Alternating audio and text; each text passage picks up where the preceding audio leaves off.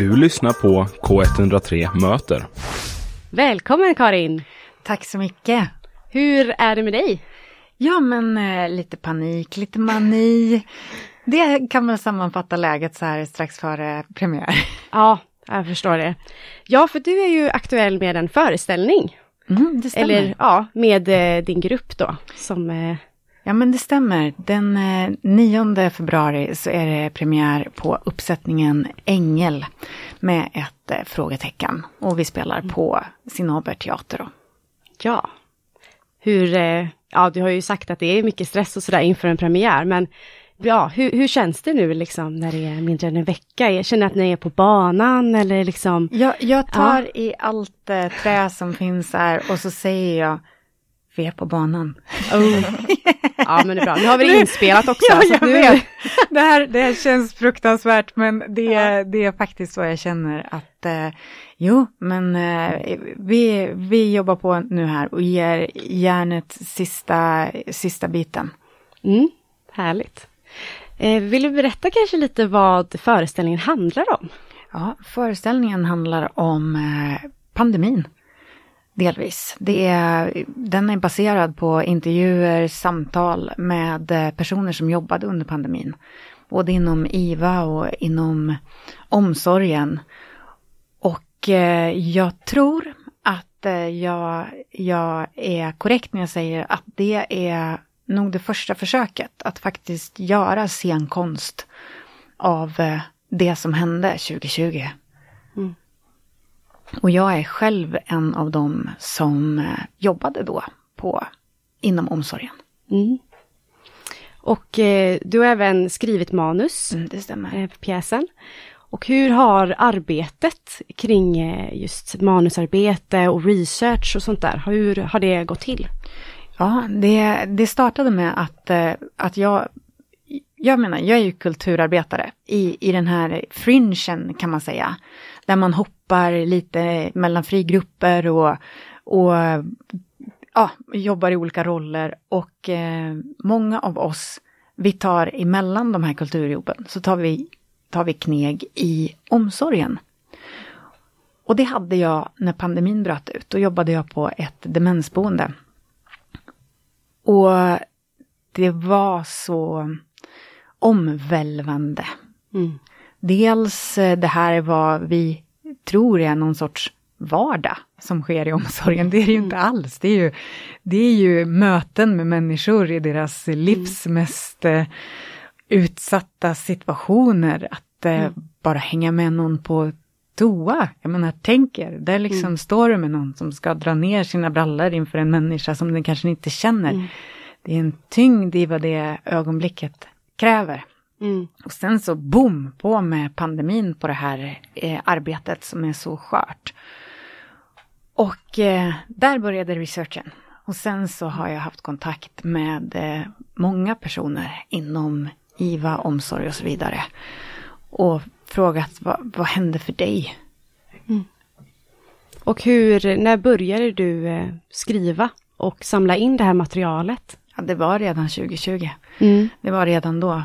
För det var en sån... eh, Det var så mycket omvälvande saker som hände. Så att, eh, att skriva blev ett sätt att hantera de känslorna och ett sätt att liksom bara försöka försöka hålla sig, liksom ha någonting att hålla sig i, använda texten som en krycka och tänka men jag drömmer inte det här.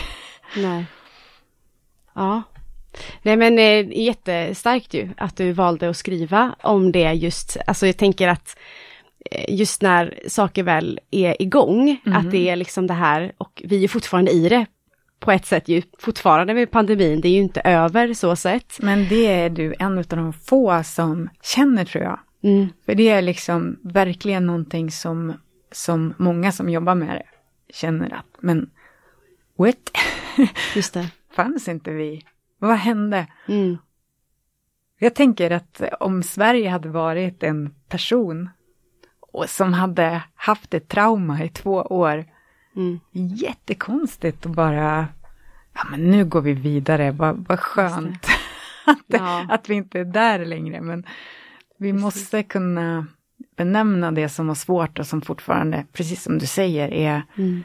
är tufft för många för att verkligen kunna gå vidare tror jag och mm. få med oss någonting. Och vad är det vi, vi, ser i föreställningen? Vad är det vi följer i det här temat så att säga, mm. i handling?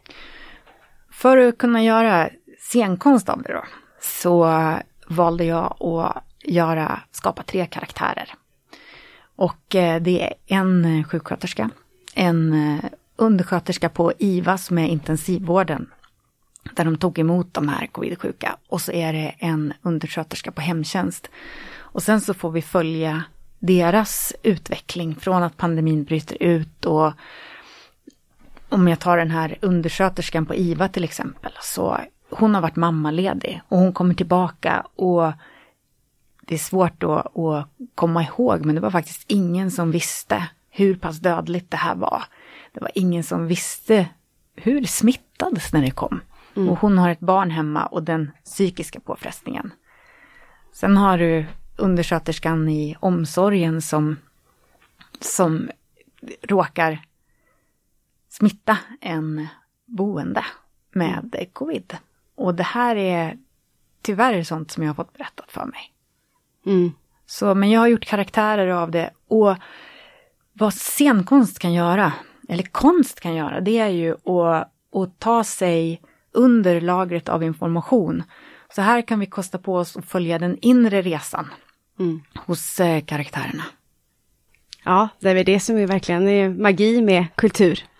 Att berätta historier och eh, ja, det är ju verkligen att lyfta saker till ytan så att det inte glöms bort just det här att det är så lätt att gå vidare eller liksom som ett yeah. samhälle att man gärna vill eh, liksom lägga saker i fack att nu det var den tiden, ja, vi kallar det för den här tiden och så går vi vidare. Men det är ju svårt för på ett sätt så vill man ju kanske göra så. Det är ju ett sätt kanske att hantera kriser och hantera eh, saker som är lite bortom ens makt på ett sätt. Men du har, he mm. du har helt rätt i det. Och så är det kanske, kanske liksom kulturen och konsten som kan komma där och liksom, mm. hallå! Glöm inte! Vad, vad, får du med dig av dina erfarenheter som du gärna vill ha, in, vill ha med in i föreställningen och förmedla som du vill att liksom, publik eller sådär också ska få med sig efteråt? Om man tänker med mm. just vad omsorg är. Ja, när, eh, när jag jobbade i omsorgen och jag jobbar fortfarande i omsorgen eh, i lägre grad som personlig assistent, men när jag var inne på det här demensboendet så kände jag energin där inne, att det var sån, sån melankoli på något sätt i, i korridorerna. Det är ju folk som är på väg bort från livet och men det fanns också en sån jäkla värme faktiskt och, och kärlek. Som eh, jag tror att om du är en, om du är människa, så ifall du hanterar en annan person i dess intimaste stunder så kommer det uppstå en form av kärlek mellan dig och den här personen. Det kommer uppstå en eh, empati. Och för mig var det väldigt märkligt att tänka att men det låter väl inte så professionellt liksom att det finns kärlek mellan liksom omsorgstagare och, och personalen. Men det är ju det är kärlek i form av en känslighet, i form av uppmärksamhet. Och jag fick tag på en, en eh, uppsats av en, av en gestaltterapeut och psykoterapeut som heter Ia Mårtensson Astvik. Och hon hade skrivit uppsatsen Attention is love. Och då var det något som så här plingade till. För, för eh, ja, hon, drog, hon drog från eh, Simon Weil och Olga Tokarczuk och olika ställen. Och landade någonstans i slutsatsen att, ja men, vad är kärlek? Om inte när vi glömmer bort oss själva. Mm. Om inte när vår, vår uppmärksamhet ligger hos en, en annan och en, en vilja att förstå dens eh, behov. Och faktum är att det är vad håller på med i omsorgen. Mm. du låter dina behov stå tillbaka för någon annan. Mm. Och jag tänker också just med pandemin och den eh, otroliga liksom, intensiva eh, belastningen som eh, personalen fick uppleva och utstå. Eh, just det här mänskliga kontakten och mm. Vad som händer när människor behöver koppla bort den ja. för att hantera eh, kris. Liksom. Ja. Eh, tänker att det också är någonting som ni säkert tar upp i föreställningen i liksom, eh, vad som händer på något sätt i det mötet. Mm, det finns eh, någonting som hände en del under pandemin och som även kan hända i andra situationer givetvis. Och det kallas eh, emotionell fatig. Och det är att du, du, får uppleva så mycket, så mycket trauma att eh, du tyvärr tappar förmågan att eh, känna. Och jag lyssnar på ja det var Vårdförbundets podd faktiskt och då var det en sköterska där som, som eh, sa att under den här perioden så kom hon ihåg sina arbetskamrater, hon kom ihåg det som hände på jobbet. Men hon kom inte ihåg sitt eget barn, hon hade inga minnen från sitt barn under den här perioden. Mm. Och jag tror inte heller det är någon slump att det är just inom vården vi pratar om, om etisk stress. Har ni hört talas om mm. det? Etisk stress. Inte tidigare? Nej, det är när du står i ett val och du inte kan göra rätt.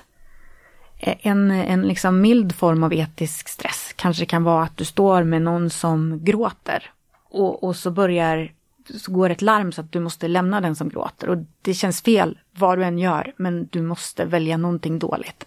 Mm. Och det, det tär på människor mer än vad vi visste.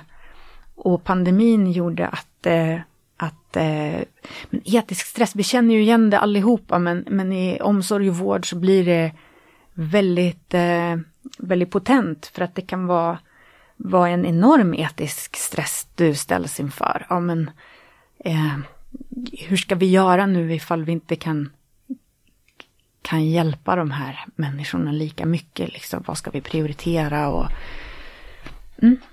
Mm. Så du har rätt. Det, det, psyket eh, tar skada mm. av att vara under sån press. Mm. Finns det någon, eh, jag tänker mer föreställningen, eh, har ni någon liksom speciell riktning med målgrupp eller liksom vad, ja, vad tänker du? Eller har ni tänkt kring det liksom, vilka ni vill rikta er med det här? Ja men dels så, så känner jag att ja, men, eh, alla som, som har har någon i omsorgen eller som själva är i omsorgen. Dels är det ju de som jag verkligen liksom vill ska känna att ja men vi drömde faktiskt inte. Det här, det hände faktiskt och, och, mm. och vi var med om det här.